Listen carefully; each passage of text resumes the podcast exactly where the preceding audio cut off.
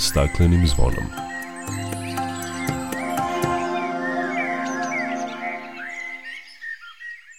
Dobar dan, dobrodošli na Zeleni talas prvog programa radija Radio Televizije Vojvodine. Ja sam Dragana Ratković.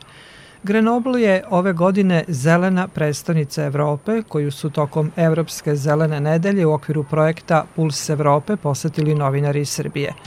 U temi emisije čućete šta je ono što je Grenoble kvalifikovalo za ovu prestižnu titulu, kako se jedan grad održivo razvija i kakvi su utisci učesnika ove medijske posete. Ako u svom domaćinstvu imate gnezdo koje su nastanile laste, čućete i kako možete da se prijavite za takmičanje i osvojite neku od vrednih nagrada. Biće reći i o fenomenu cvetanja tise koji se dešava jednom godišnje obično sredinom juna. Toliko u najavi emisije o svemu opširnije nakon pozdravne pesme. Dok priroda kraj nas plače za vladarskim svojim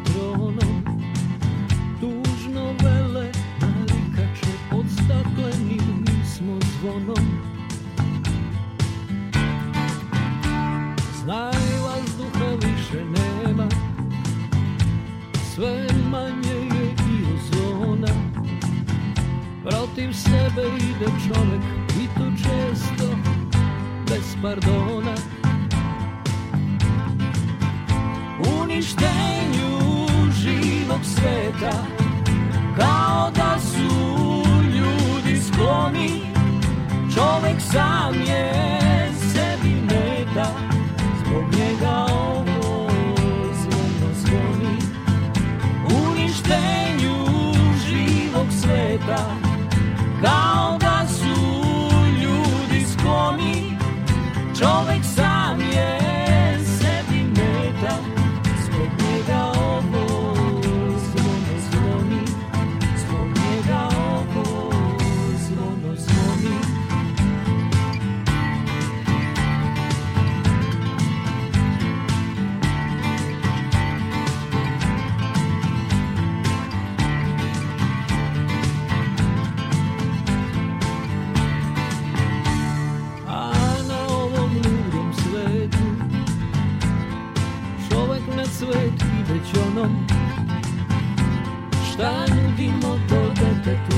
stakleni kad smo zvonom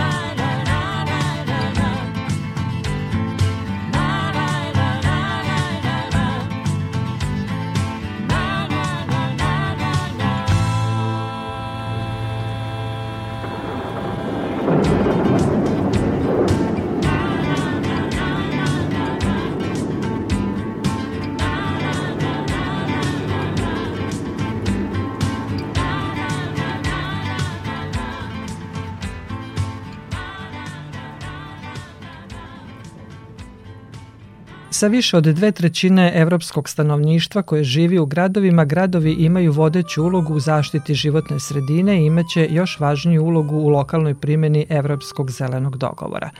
Evropska komisija je 2010. godine pokrenula nagradu Zelena prestonica Evrope kako bi podstakla gradove da postanu zeleniji i čistiji i da poboljšaju kvalitet života svojih stanovnika. Ove godine Zelena prestonica Evrope je Grenoble. U emisiji čućete šta je ono što je Grenoble kvalifikovalo za ovu prestižnu titulu, kako to izgleda u praksi, u to su se uverili novinari koji su u okviru projekta Puls Evrope delegacije Evropske unije u Srbiji posetili ovaj grad tokom Evropske zelene nedelje. Grenoble, zelenu prestonicu Evrope 2022. predvode grad Grenoble, metropola Grenoble Alpi i departman Izer. Suočeni sa klimatskim promenama, Alpe su sve ugroženije. Za 50 godina glečari francuskih Alpa izgubili su 38% svoje površine.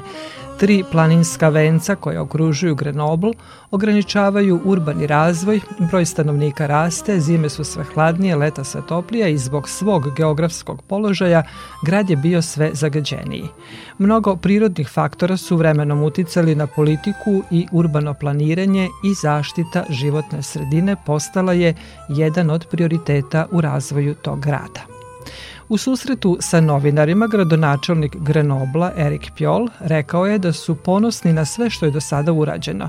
Sve ovo je jedan veliki izazov, ali svi delimo zajednički cilj. Borimo se za kvalitetniji život i protiv klimatskih promena.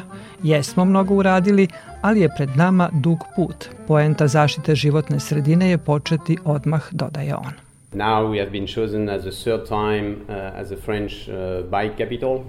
Nedavno smo izabrani za francusku prestonicu biciklizma. Odnedavno i članovi gradskog veća koriste bicikle. Kada smo došli na čelo Grenobla 2014. prodali smo 20 automobila koji su koristili članovi gradskog veća i građani su uvideli da ono što govorimo isprovodimo na terenu. Broj biciklista je udvostručen u poslednjih šest godina. Izgrađeno je oko 400 km staza za bicikliste, od kojih se 50 km proteže i do planinskih venaca. Trenutno imamo 10.000 bicikala za izemljivanje, od toga je 20% električnih. Poređenja radi Pariz ima oko 20.000 hiljada, a u pitanju je grad koji ima 15 puta više stanovnika od Grenobla. Radili smo na smanjenju broja automobila na ulicama i rezultat jeste ostvaren, ali i dalje imamo mnogo vozila. Zbog smanjenja broja automobila i buke na ulicama uspeli smo da smanjimo i emisiju gasova za 30%. Polako raste broj električnih automobila, ali cilj je da se smanji broj automobila na ulicama. Bilborde smo potpuno uklonili pre nekoliko godina i to je izazvalo veliki odjek, ne samo u Francuskoj, nego i u svetu. Ta vest je obišla mnogo zemalja i ubeđeni smo da je to prava stvar. Reklame su agresivne i smetaju ljudima i naši stanovnici se uopšte nisu bunili zbog te odluke.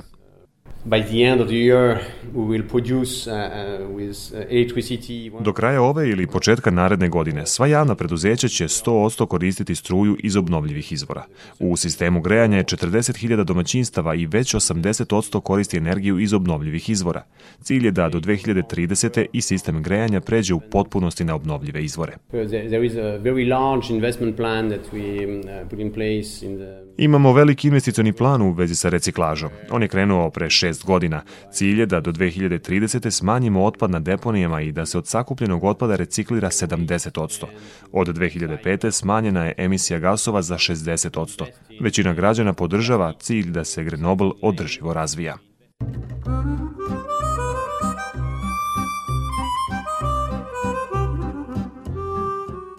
U Grenoblu oko 50% površina je pod zelenilom. Od 2014. zasađeno je više od 5.500 stabala, a cilj je da se posadi 10.000 stabala pre 2030. godine. Da bi poboljšali kvalitet života u gradu, osnovani su eko-okruzi koji su organizovani u skladu sa održivim razvojem. Eko-okruzi su dizajnirani tako da smanjuju potrebe za energijom i štede resurse, a uz to čuvaju biodiverzitet. Prvi ekološki okrug u Francuskoj uređen je 2009. godine u Grenoblu, u srcu nekadašnje kasarne Bonnet u centru grada. Stare kasarne su delomično renovirane, a delom srušene. Lokalne vlasti su primenile visoko ekološke energetske standarde u izgradnji i obnovi tog dela grada. Izgrađeno je 12 eko zgrada koje koriste obnovljive izvore energije, energetski su efikasne, a posebna pažnja posvećuje se urbanom biodiverzitetu. Eko okrug Bone otvorio je put ka formiranju drugih takvih okruga u gradu. Cambridge je novi inovativni eko okrug u kojoj se nalaze eksperimentalne samoodržive autonomne zgrade za građane, takozvane ABC zgrade koje su energetski nezavisne. U pitanju su dve zgrade sa po 42 stana veličine 60 kvadrata, objasnila nam je predstavnica turističke organizacije Grenobla Sophie Ballerguet. Voilà, ici nous sommes devant euh, le bâtiment ABC Nalazimo se ispred zgrade ABC, to je akronim za autonomne zgrade za građane, koja je trenutno u Francuskoj prva zgrada potpuno energetski nezavisna. Ovo je eksperiment koji je započeo 2020. i traje pet godina. Postavljeni solarni paneli na zgradama omogućavaju zgradi da bude nezavisna. Objekat ima struju, grejanje, posjeduje baterije koje sakupljaju struju, dok se kišnica tretira, filtrira i koristi za tuširanje. U stanovima je oprema koja meri potrošnju struje i vode. Ovde se otpad reciklira i pravi se kompost ispred zgrade su bašte koje stanari koriste i dele.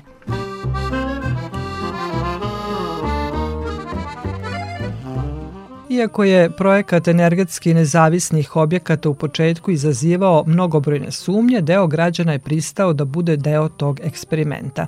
Među njima je i porodica 16-godišnjeg Bilel Uergija, koji se pre dve godine uselio u jednu zgradu. On smatra da je to bila dobra odluka. Our house, uh, houses work with uh, only uh, solar panels uh, energy. Naš stan koristi samo solarnu energiju sa panela. Vodu koju koristimo za toalet i tuširanje je prečišćena kišnica. Imamo malu baštu i sadimo voće i povrće. Trudimo se da koristimo manje vode kad se tuširamo jer imamo upozorenje. Nije teško, ali je znao da bude čudno. Život u ovakvom stanu me je naterao da shvatim da je životna sredina važna i počeo sam da istražujem. Sada biciklom idemo u školu, auto ne koristimo kao ranije, putujemo električnim tramvajem kada moram. Sada sam svestan šta radim za planetu i ponosan sam na to. Definitivno bih izabrao ovakav način života. Iako je na početku čudno, na duže staze ovo je bolje za nas kao ljude i građane planete.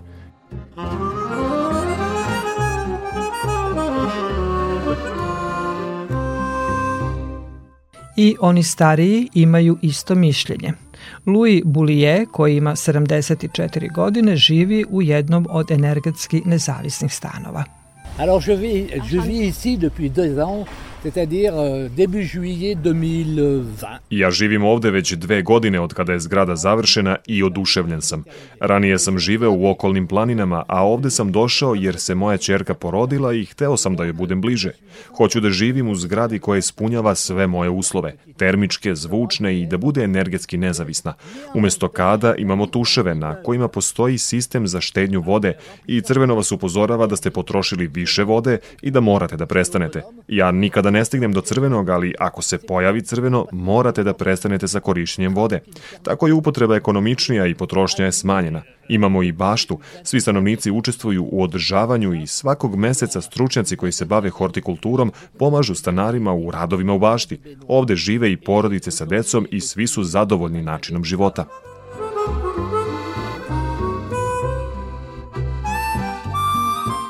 Eko kvart Flaubert smešten je u nekadašnjoj industrijskoj četvrti sa 3 hektara javnih parkova. U izgradnji novih stanova koriste prirodne materijale kao što su drvo i zemlja, dodaje Sophie Baljerge. Ova specijalna zgrada se zove Terra Nostra, to je studentski projekat, prototip koji je samo deo zgrade. Specifična je jer je napravljena od zemlje i drveta. Tu je od 2016. godine izgradili su je arhitekte i studenti iz Grenobla. Ideja je da se dokaže da je sada moguće tako graditi od zemlje i drveta. Savršeno je i veoma udobno. Look at the building that is gray. It is a building E vidite ovu sivu zgradu. To je prva zgrada u Francuskoj izgrađena kompletno od drveta ako izuzmemo lift. Zgrada ima 9 spratova, 56 stambenih jedinica. Uzimajući u obzir da zgrade nemaju parkiralište, za stanovnike naselja izgrađena je zgrada samo za parkiranje. Na krovu garaže će biti bašta sa povrćem, voćem za restoran i laboratorija za preradu voća i povrća, bar i mala pivara – Razvili smo ovaj tip koncepta prvi put u Grenoblu. Poljoprivreda u gradu je koncept koji razvijamo na sve strane.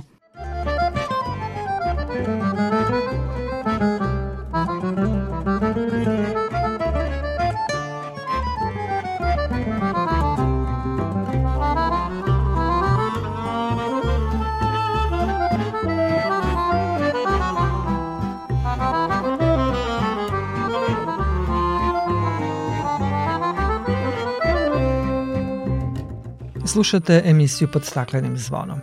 I u nastavku govorimo o poseti srpskih novinara Grenoblu i zašto ovaj grad ove godine nosi titulu Zelene prestonice Evrope.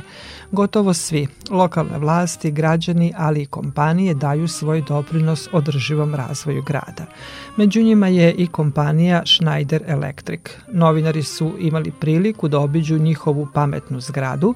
Kako ona funkcioniše, upoznao ih je Pascal Bonfoy, jedan od menadžera kompanije. In this building we have sensors to measure energy, U ovoj zgradi imamo senzore za merenje energije, imamo senzore za kontrolu zgrade kao što su nivo ugljen dioksida, temperatura, vlažnost vazduha, svetlo, tako da se svi ti podaci koriste za kontrolu zgrade. Pored merenja energije imamo i senzore za tehničke instalacije za merenje pritiska ili temperature i prikupljamo 60.000 podataka na svaka dva minuta. Imamo operativnu bazu podataka i to se koristi za kontrolu zgrade tako da omogućava da budu efikasnija i da kombinuje komfor zaposlenih i efikasnost objekata. The production of the energy in this building is mainly solar.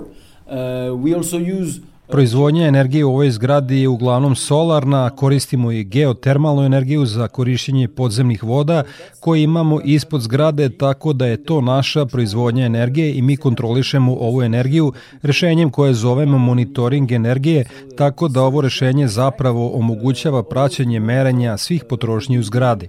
Cilj potrošnje ove zgrade je 37 kWh po kvadratnom metru godišnje, tako da je to oko 10 puta manje od standardnih zgrada.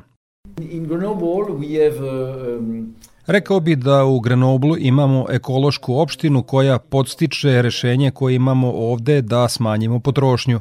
Glavna poteškoća je to što su tražili da imamo tri puta manje parking mesta nego zaposlenih, tako da je to promena za ljude koji treba da koriste svoj bicikl, da koriste javni prevoz, ali to je dobro, mislim ponekad je teško promeniti navike, ali to je dobar potez.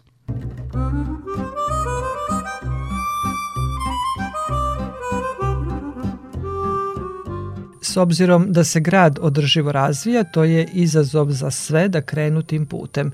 I hotel Oki u kojem su boravili novinari iz Srbije od svog otvaranja 2014. radi na onopređenju svoje održivosti i teži da bude ekološki. Menadžer hotela Michel Garnier kaže da su ispunili sve uslove za dobijanje zelenog ključa, međunarodnog ekosertifikata koji potvrđuje njihovo aktivno učešće u očuvanju životne sredine i promociju ekoloških principa.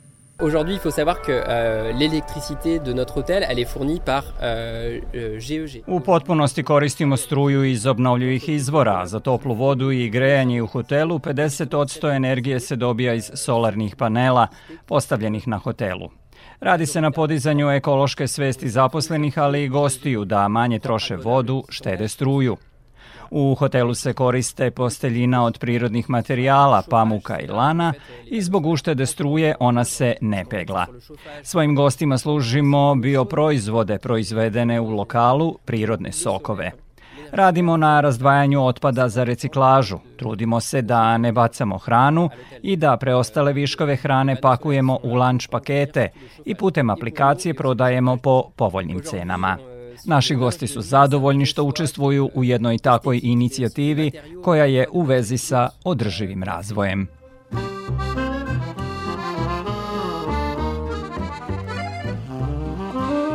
Novinari su imali priliku da posete kvart Novi kraj i upoznaju se sa projektom asocijacije Grenobla La Machinerie ili Mašineriju, kojim se podržava održivi razvoj i angažovanje građana kroz kreativne i umetničke radionice socijalno osetljivih kategorija stanovništva.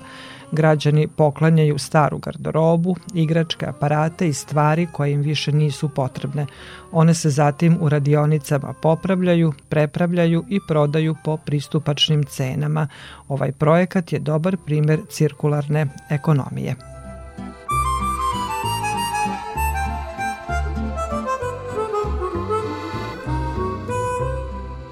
Čuli ste mnogo razloga zbog kojih je Grenoble zelena prestonica Evrope ove godine. Medijska poseta novinara organizovana je u okviru projekta Puls Evrope, koji podržava novinare medija u Srbiji da izveštavaju iz zemalja Evropske unije o primerima dobre evropske prakse i da vide kako su zemlje Evropske unije prevazišle izazove sa kojima se Srbija sada suočava na putu evropskih integracija. Francuska je četvrta zemlja Evropske unije u kojoj je organizovano tematsko grupno putovanje, kaže Marina Rakić, vođa projekta. Igra Nobel je upravo prava stvar zato što je u Srbiji otvoren klaster u okviru koga i poglavlje 27, životna sredina je sve više i više u fokusu pažnje domaće javnosti, tako da trudimo se da što veći broj novinara prođe kroz program da se stekne uvid, recimo ovde u Grenoblu, kako je došlo do toga da Grenoble zaista izgleda kao jedan zeleni grad u kome svaki kutak gde god je moglo ozelenjen i gde se jako vodi računa i o reciklaži, i o zaštiti vazduha, i o korišćenju obnovljivih izvora energije.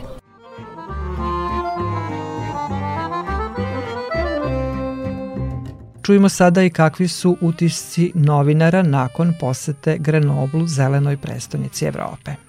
Vazduh miriše, ptice se čuju na sve strane. Dopada mi se ta mala zelena ostrava kojih ima gotovo u, u svakoj ulici, uklopljena su u trotoare, gde je zasađeno razno neko divlje bilje, gde ima žalfije, gde ima nevena, gde ima lavande i, i još ne, meni nepoznatog ovaj, cveća i zelenila koje je ograđeno malim tarabicama drvenim, sve nepretenciozno, ništa nije pod konac, sve buja, predivno. Ceo koncept toga ništa ne mora pod konac, a da je sve tako sočno i primamljivo mi je prirodno, potpuno je ovaj, fantastičan. Pa iskreno pre odlaska u Grenoble nisam imao neka velika očekivanja. Čuo sam za grad i čuo sam da je on zelena predstavnica Evrope za 2022. godinu, ali tek kad smo došli tamo, sve je to dobilo neku potvrdu. Na svakom koraku se vidi da se izuzetno vodi računa o zaštiti životne sredine. Puno je parkova, puno je biljaka, puno je drveća, puno je biciklista, mnogo manje automobila i najjači utisak mi je da su ljudi veseli da ljudi poštuju pravila od uh, najmanjeg deteta do, do starijih. Tako da kad se sve to sklopi, onda je jednostavno postaje nam jasno zašto je uh, Grenoble zelena predstavnica Evrope za ovu godinu.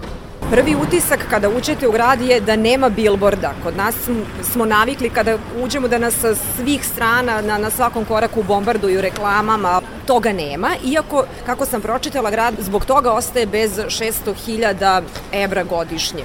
Odlučili su tako i kažu da im je grad lepši bez, bez toga. Drugi utisak jesu zgrade koje su takozvane autonomne zgrade, gde se vodi računa o potrošnji energije. Može svako od nas da kaže pa mogu i ja da vodim i mogu da to sprovedem isto, ali nekako ne sprovodimo, a ovde imaju oni koji u njima žive upozorenja na svakom koraku, pa ako prekorače određenu količinu potrošnje vode, menjaju se boje, ljudi se valjda trude da ne uđu u crveno i mislim da je to jedan od dobrih načina ako već sami ne možemo da se, da se osvestimo, da, da naučimo da, da vodimo računa o o potrošnji vode koju često uzimamo zdravo za gotovo misleći da ćemo imati dovek. Najveći utisak je taj da u jedinu buku koju proizvode je žamor ljudi, ptice u gradu. Neko ne pušta muziku preglasno, ne broj vozila je smanjen u centru grada, čak ni tu nema nekakve buke ljudi divno žive život, uživaju. Sve funkcioniše i da je sistem uređen i čini mi se i dalje da smo mi otprilike jedan vek iza svega toga i u glavama i u institucijama i u svakom pogledu.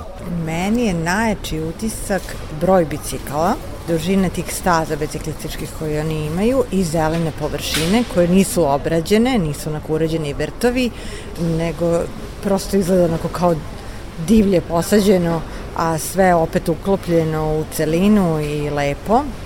Vazduh, meni čak i klima odgovara, tramvaj, prevoz im je super organizovan, distrikti koji smo videli, to je prilično impresivno i način kako ljudi žive, prosto kao je eksperiment, ali su svi angažovani u cilju održivog razvoja i uopšte svi žele da nekako utiču na na smanjenje klimatskih promjena.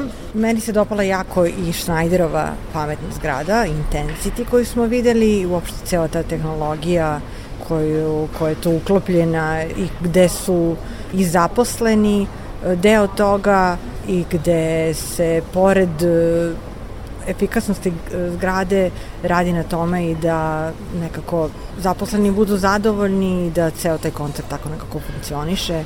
Dopala mi se jako ona asocijacija La Machinerie, to je bilo nešto što čemu bi ja recimo volala baš da, da učestvujem.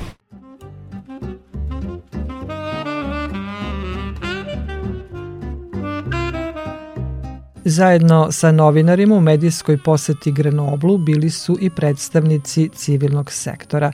Čujmo i njihove utiske.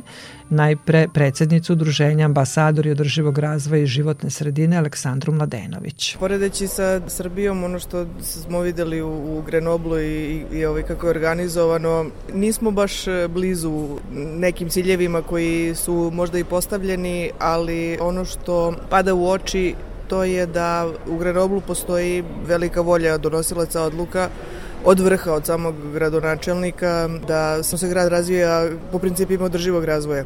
Ono što on ističe i u svojim delima i u tokom razgovora sa nama to je da oni vode računa o sva tri stuba održivog razvoja i u životnoj sredini i ekonomskom i socijalnom i to smo imali prilike da vidimo na primerima koje smo obišli.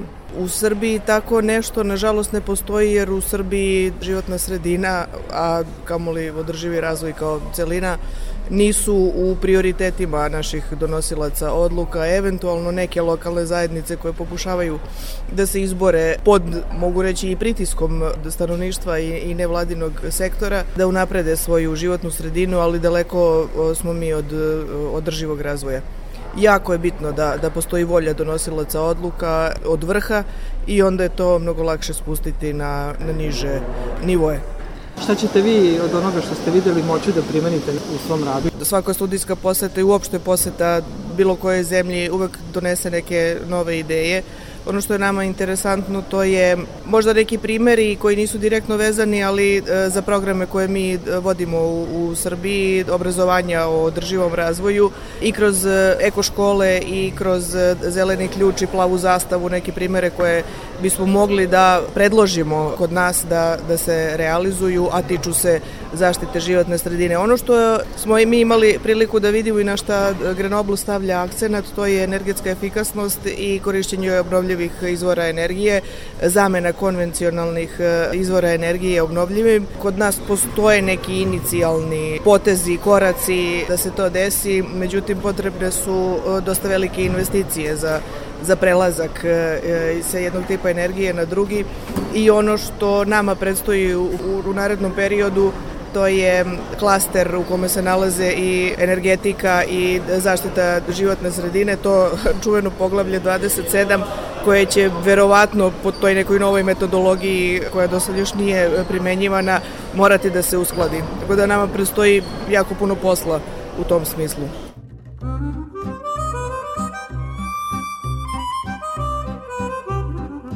Zajedno sa novinarima u Grenoblu boravio je i Vladimir Janković ispred Nacionalnog konventa o Evropskoj uniji za poglavlje 27. Imajući u vidu da Srbija ima dosta problema e, pre svega da prilagodi svoju e, praksu i konkretne znači funkcionisanje u oblasti životne sredine imajući u vidu da smo e, veći deo propisa transponovali, ali očigledno to je bio lakši deo problem je što već važeći propisi ne funkcionišu. Tako da e, na nama stoji da, da se ti e, propisi stave u život. A ono što sam imao priliku da vidim sada u Grenoblu, s jedne strane pokazuje da je Francuska daleko podmakla, posebno Grenoble koji je odavno kao svoj prioritet u razvoju stavio praktično životnu sredinu i održivi razvoj. U više oblasti su oni pioniri za samu Francusku. Ozbiljne rezultate imaju i po pitanju klimatskih promena, energetske efikasnosti i sigurno ima dosta primjera koja e, meni kao predstavniku civilnog sektora će biti označaja radi pokretanja inicijativa, zagovaranja implementiranje u projekte, primere dobre prakse koje bi mogli da postaknemo i naše lokalne vlasti, i, ali normalno i centralne vlasti posebno u delu koji se po meni odnosi na zgradarstvo, obzirom da je to i neki fokus organizacije s koje dolazim, gde su oni već i propisali obavezno procenat učešća prirodnih materijala, drveta i ta priča gde su oni dokazali da ako koristimo drvo koje je održivo gajeno, da je takav pristup u skladu sa, sa održivim razvojem i da je sigurno e, s jedne strane se na taj način obezbeđuju lokalni materijali, smanjujemo te transportne e, i troškove, ali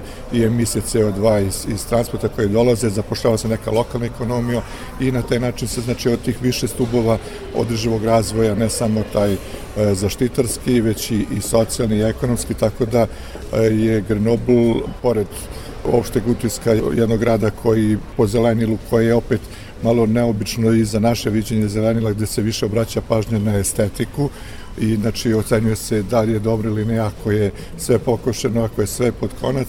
Ovdje imamo jedan primjer gde je na prvom mestu praktično biodiverzitet, na nekim trenucima može da mislite da je neuredno, a u principu e, to je jedan pristup koji mi moramo da se vratimo prirodi, da ponovo vratimo vravce koje smo imali prilike da da vidimo, da, znači da u centru grada postoji živi svet to je najbolji indikator, mnogo bolji od nekih laboratorijskih indikatora da je to jedna zdrava sredina.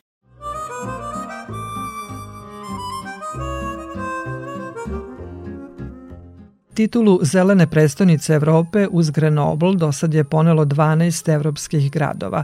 Stockholm, Hamburg, Vitoria Gaštajs, Ljubljana, Nant, Kopenhagen, Bristol, Essen, Nijmegen, Oslo, Lisabon i Lahti. Sledeće godine Zelena prestonica Evrope biće prestonica Estonije Tallinn. I Novi Sad i Beograd imaju tu želju da se nađu među zelenim gradovima Evrope, ali na osnovu onoga što smo videli, za to nam treba još mnogo truda i rada i da svi menjamo svoje životne navike.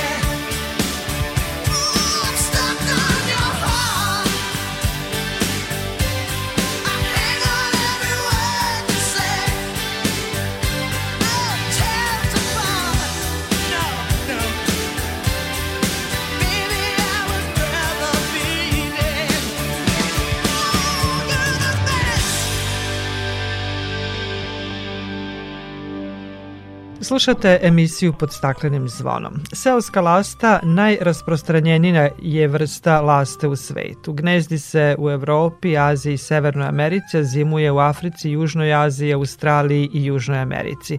Ona je nekako vezana za ljude, pošto koristi njihove građevine za izgradnju svojih gnezda i seoske laste kod nas postale su pravi simbol sela i ukras seoskih štala a domaćinstva gde su laste se nastanile, gde su svile makar jedno gnezdo, mogu doneti nagradu domaćinima. Takmičenje domaćinstvo koje su laste izabrale i ove godine organizuje Društvo za zaštitu i proučavanje ptica Srbije, Tim povodom sa nama koordinatorka projekta Nataša Jančić, kojoj želim dobrodošlicu na Talase Radio Novog Sada. Nataša, dobrodošli. Hvala na pozivu i hvala što svake godine ispratite ovo naše lepo i značajno takmičenje.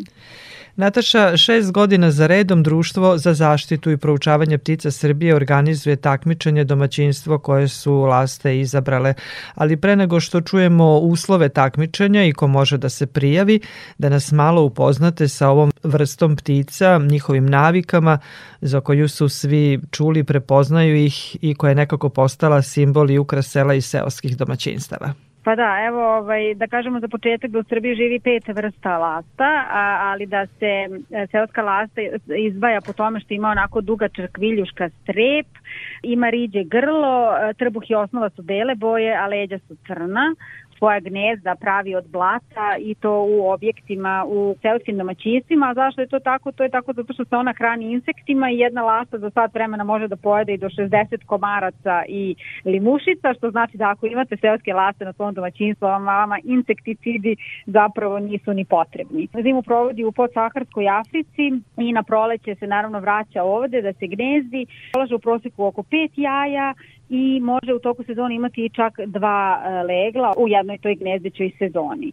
Ono što je zanimljivo je da svi ljudi koji nam se javljaju ovako svake godine, oni već jako dobro znaju njihove navike, oni znaju kada one treba da stignu, pa ako kasne neki dan, oni se zabrinu, znaju da kada će recimo kiša, da one lete jako nisko, znaju i kad odlaze. Dakle, potpuno jedan suživot sa lastama, a evo možda najzanimljivije što smo imali dva poziva prethodnih dana gde su ljudi prijavili prijavili da su im laste napravile gnezdo u, u dnevnoj sobi i da su oni bukvalno napravili rupicu na vratima kako bi one mogle nesmetano da ulaze i izlaze. Prijateljski su nekako o, ljudi nastrojeni prema lastama, a šta je ono što ih ugrožava? Pomenuli ste e, njihovu korist, dakle nisu potrebni insekticidi jer imamo laste, dakle moderna poljoprivreda, klimatski uslovi, da li su to faktori koji utiču na njihov broj? Da, upravo to. E, na prvo mesto je to moderna intenzivna poljoprivreda gde zamiru zapravo ta stara seoska domaćinstva sa sa štalama koji imaju drvene grede, koji imaju otvorena vrata i prozore. To je na prvom mestu, zatim tu je i rušenje gnezda, upotreba pesticida, insekticida, degradacija zemljišta, uništavanje staništa, zagađenje voda, sve to je povezano jedno sa drugim, ali ono što evo možda bi bilo zanimljivo kao podatak da po istraživanju naše mreže BirdLife International čak 74% globalno ugroženih vrsta je zapravo ugroženo zbog upravo zbog te intenzivne poljoprivrede čiji je neki razvoj nagli počeo e, sredinom prošlog veka. Da čujemo šta je cilj ovog takmičenja i ko može da se prijavi. Cilj je upravo to da podržimo ta stara tradicionalna domaćinstva koja se poljoprivredom bave kao i pre 100 godina, da, da im pokažemo da, da želimo da, da zajedno sačuvamo seoske laste kroz ovo naše takmičenje. Uslov je dakle da imate barem jedno e, gnezdo seoske laste, kad kažemo gnezdo misli se da je aktivno, da u njima ima mladih, da su roditelji tu kao i mladunci, e, najmanje jednom, ali domaćinstvo koje bude imalo najviše aktivnih veza seoskih lasta ostvaja tonu kukuruza, dok sva ostala domaćinstva, bez obzira na broj, ulaze u naš bubanj iz kog ćemo izvući srećnog dobitnika, dobitnika srećnog gnezda i taj dobitnik dobija zapravo voucher za kupovinu sadnica voća u vrednosti od 12.000 dinara. Može da sadnice bira po svojoj želji i volji. Takmičenje traje do 12. juna, znači do tad se ljudi mogu prijaviti završiti, a mi ćemo 19. juna proglasiti pobednike. Sve informacije o ovom takmičenju, prijavni formular, brojeve telefona naći ćete na našem sajtu pticesrbije.rs. U rubrici vesti je taj prijavni formular, tu su i naši kontakti, ali ja mogu evo i da pročitam brojeve telefona, pa ako neko ima olovku pri ruci može da zapiše. Dakle 011 400 2561 i 021 304 49 2.5. Čuli smo kako se može i ko može da se prijavi na ovo takmičenje. Kakva su dosadašnje iskustva? Da li se seoska domaćinstva prijavljuju? Ko su pobednici? Evo rekli ste da već interesovanje postoji i ove godine. Iskustva su različita, odnosno nagrade su protekle godine odlazile u različite delove Srbije. Ali ono što je zanimljivo je da smo prošle godine imali zaista rekordera. Domaćinstvo porodice Crnojević iz sa Fruške gore je imalo čak 101 gnezda seoskih lasta i zaista zvuči neverovatno verovatno, ali ja sam lično bila sa žirijem da prebrojimo ta gnezda i zaista su sva bila aktivna. I prošle godine smo u okviru ove akcije imali jednu zanimljivu radionicu Terra Rustika u Kikindi gde smo pravili od gline e, improvizovana gnezda za seoske laste i ove godine smo opet posetili porodice Crnojević i postavili smo nekoliko tih gnezda koje su napravljene tako da laste mogu da ih dorađuju. Jer mi smo prošle godine videli da gospođa Crnojević zapravo e, kada vidi da je neko gnezdo otpalo ona zakači neku plastičnu činicu ispod da ga sačuva. I baš se brine o svojim lastama i to je možda isto i neki ključ njihovog uspeha. Dakle, do uveče, dakle, možete da se prijavite putem telefona ili e, maila, dakle, da popunite formular i da se prijavite za ovo takmičenje domaćinstvo koje su laste izabrale, a rezultati takmičenja biće objavljeni do 19. juna na stranici pticesrbije.rs i naravno u sredstvima javnog informisanja. Nataša, hvala vam lepo za razgovor i učešću u programu Radio Novog Sada. Hvala i vama na pozivu.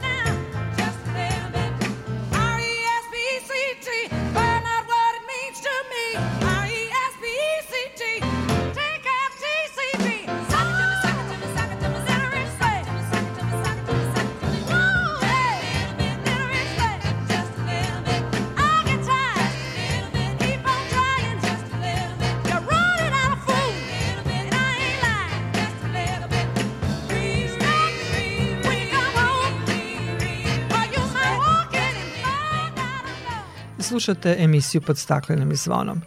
Fenomen cvetanja tise dešava se jednom godišnje, obično je to sredinom juna. Tiski cvet je vodeni insekt koji se nekada nalazio i u drugim rekama Evrope, ali danas ga imamo samo u Tisi. I to manje u Mađarskoj, a mnogo više kod nas. Šta više, tiski cvet jedinstven je fenomen prirode koji osim na Tisi postoji još jedino u Kini na reci Yangtze Yang. U Novom Bečeju ovog vikenda organizovan je bogat program u okviru manifestacije Katisa cveta. Organizatori su pripremili vožnju kočijama i krstarenje čamcima u potrazi za ovim redkim prirodnim fenomenom. Insekt tiski cvece najčešće pojavljuju u sumrak između 18 i 20 časova i svi oni koji dođu danas u Novi Bečej na tiskom keju sa obale ili iz čamca mogu da posmatraju rojenje i uživaju u ovom čudesnom fenomenu, a oni koji su malo romantičniji mogu da provere legendu po kojoj tih dana Tisa ispunjava ljubavne želje, ako u nju pustite svećicu utisnutu u licidarsko srce, kažu organizatori. O tiskom cvetu, cvetanju reke, svojevrsnom spektaklu prirode, u priči koju je pripremila turistička organizacija Kanježe. Tiski cvet Palingenija longicuada je prastara vrsta insekta, pripada grupi jednodlevica, što upućuje na kratak životni vek odraslih jedinki. Preci ove vrste nastali su pre oko 200 miliona godina, kada su vodeni insekti počeli osvajati kopno i udisati slobodan vazduh.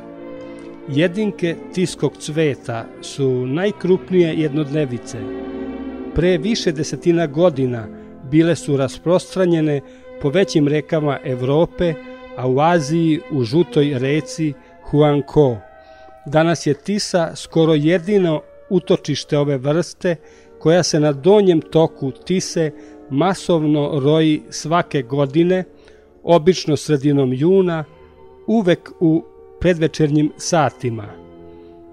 Tada se na deonicama reke sa glinovitim koritom pojavljuju larve na površini vode, iz kojih se za par sekundi izvale nežni, lepršavi, šareni, krilati insekti, koji nakon kratkog sušenja izleću na priobalne biljke – sleću i na čamce, pa čak i na ljude i otpočinju mukotrpno presvlačenje. To su nedozreli mužjaci koji tek nakon svlačenja kožice postaju sposobni za parenje i oplodnju ženki. Nešto kasnije se pojavljuju larve ženki, iz kojih se izvaljuju polno zrele krilate jedinke. Nakon toga počinje masovni svadbeni let uz parenje insekata posle kojeg mužjaci brzo umiru. Ženke još lete izvesno vreme, a zatim se spuštaju na površinu vode i odlažu 6 do 7 hiljada sitnih jajašaca i umiru, jer su krilatim imago oblicima organi za varenje zakržljali, te ne mogu da se hrane, a energija iz larvenog doba se brzo istroši prilikom rojenja. Telo krilatih insekata je dugačko oko 40 mm, a raspon krila oko 55 mm. U dužinu tela nisu uračunati tanki crbušni nastavci koji su kod subimago mužjaka i ženki u dužini tela, a kod imago mužjaka dva puta duži. Iz oplođenih jajašaca za dve, tri nedelje izlegu se larve koje se ukopavaju u, gl u glinoviti deo korita reke i rastu tri godine. Za to vreme moraju se presvući oko 20 puta. Hranu i kiseonik im donosi voda. Tiski cvet od vajkada očarava ljude sa obale reke Tise lepotom svog oblika i boja, kao i ritualom ljubavne igre. Svetanje Tise je više od doživljaja prirodnog fenomena koji se samo na ovoj reci može doživeti u tako intenzivnom obliku. Ukoliko su pogodni hidrološki i klimatski uslovi, a nalazite se na pravom mestu na Tisi, 150. rečnom kilometru, sredinom juna možete uživati u ljubavnoj igri ovih divnih stvorenja. Skoro do 18 sati reka čuva svoju tajnu, a zatim počinje jedna od najlepših prirodnih pojava u Vojvodini i na svetu. U narednom satu nad površinom reke lete milioni žutih insekata sa sivim krilima zaneseni žarom ljubavi. Doživljaj upotpunjuje šum njihovih svilenkastih krila i odbljesak tonućeg sunca na vodenom ogledalu.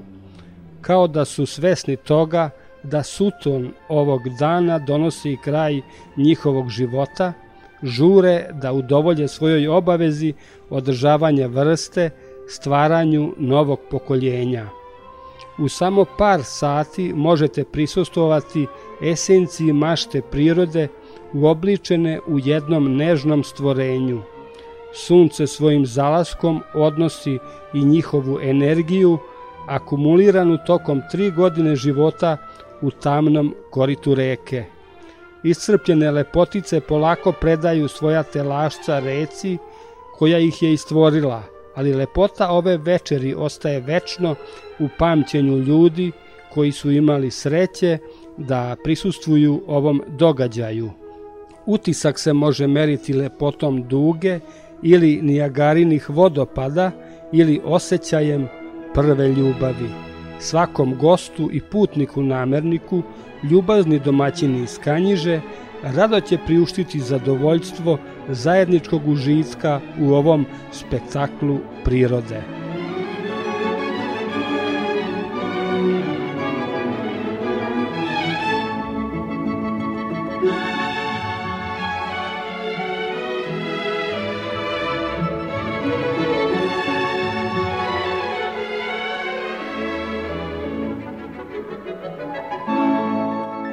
Toliko za ovo izdanje emisije pod staklenim zvonom koju možete slušati i odloženo na podcastu Radio Televizije Vojvodine na adresi rtv.rs. Na pažnji vam zahvaljuju i Boja Šanca, Zoran Gajinov i Dragana Ratković. Sledeći susret zakazujemo za sedam dana u isto vreme na zelenom talasu prvog programa radija Radio Televizije Vojvodine.